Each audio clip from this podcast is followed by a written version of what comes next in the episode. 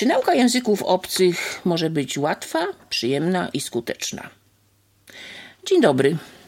Nazywam się Elżbieta Krawczyk i jestem dyrektorem Kolegium Filologii w Wyższej Szkole Zarządzania Ochroną Pracy w Katowicach.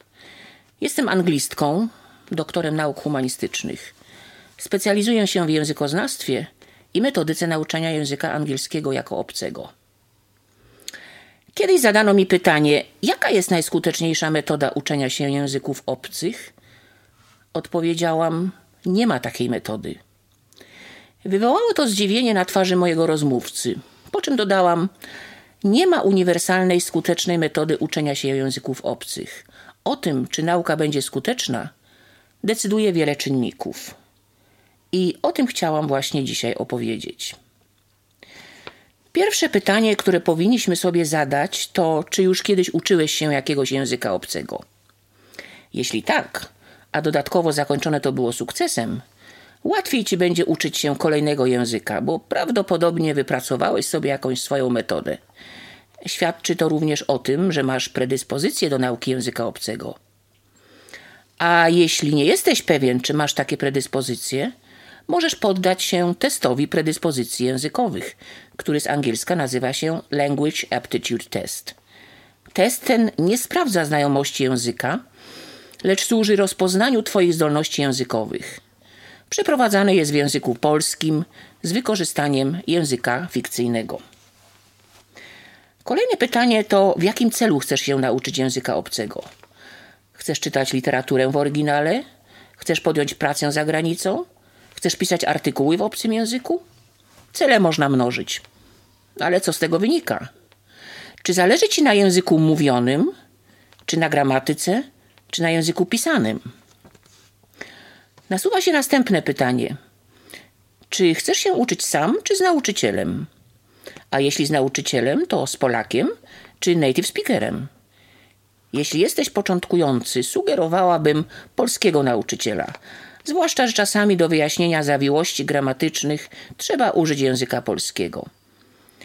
Zajęcia z native speakerem powinny służyć przede wszystkim rozwijaniu sprawności mówienia i ćwiczenia poprawnej wymowy.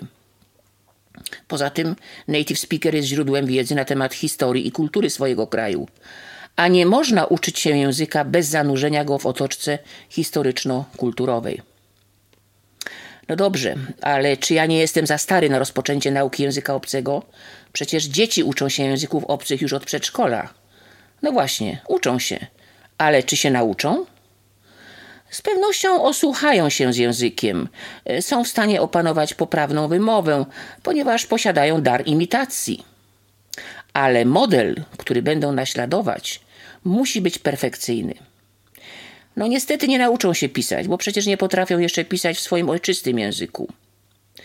Dzieci szybko przyswajają wiedzę, ale też szybko zapominają. Natomiast dorośli wolniej przyswajają wiedzę, ale też wolniej zapominają. Językoznawcy twierdzą, że optymalnym wiekiem do rozpoczęcia nauki języka obcego to wiek około 10 do 12 lat. Wybitny amerykański językoznawca Noam Chomsky nazywa to hipotezą wieku krytycznego. To właśnie w tym wieku następuje tak zwana lateralizacja mózgu, czyli przejęcie przez, przez każdą z półkul mózgu odpowiednich funkcji. U osób praworęcznych lewa półkula odpowiada za zdolność przyswajania języka, natomiast u osób leworęcznych jest to prawa półkula. I kolejne pytanie, czy chciałbyś uczyć się indywidualnie czy w grupie? Idealnym rozwiązaniem jest mała grupa, 3 do 5 osób. Skuteczna nauka języka obcego wymaga interakcji. Jeśli grupa jest zbyt duża lub jesteś sam, trudno mówić o jakiejkolwiek interakcji. Nauka języka obcego polega na nauce czterech sprawności: sprawność mówienia, sprawność słuchania, sprawność czytania i sprawność pisania. Idealnym rozwiązaniem jest tak zwane nauczanie zintegrowanie zintegrowane. To jest łączenie tych czterech sprawności w sposób, w jaki są one używane w żywym języku. Ale przecież nauka języka obcego odbywa się w klasie, a więc w środowisku sztucznym. Zatem w jakiej kolejności można wprowadzać sprawności i jakie można łączyć?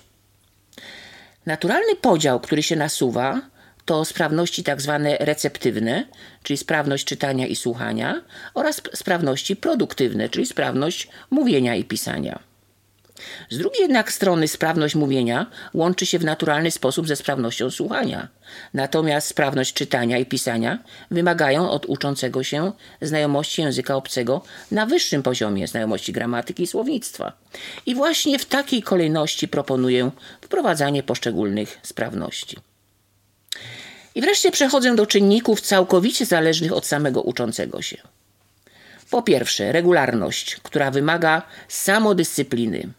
W wielu przypadkach niepowodzenie w nauce języka obcego było spowodowane brakiem regularności. Po drugie, częstotliwość. Podstawową zasadą w nauce języka obcego jest uczymy się często, ale w małych dawkach. Na przykład trzy razy w tygodniu po jednej godzinie. Po trzecie, praca własna. Materiał wprowadzony na zajęciach powinien być powtórzony i przećwiczony w domu. Zachęcam również do kontaktu z żywym językiem poprzez oglądanie programów telewizyjnych w oryginale, czy też śledzenie obcojęzycznych stron internetowych. Trochę dużo tych zaleceń, ale jeśli im sprostasz, nauka języka obcego może być łatwa, przyjemna i skuteczna.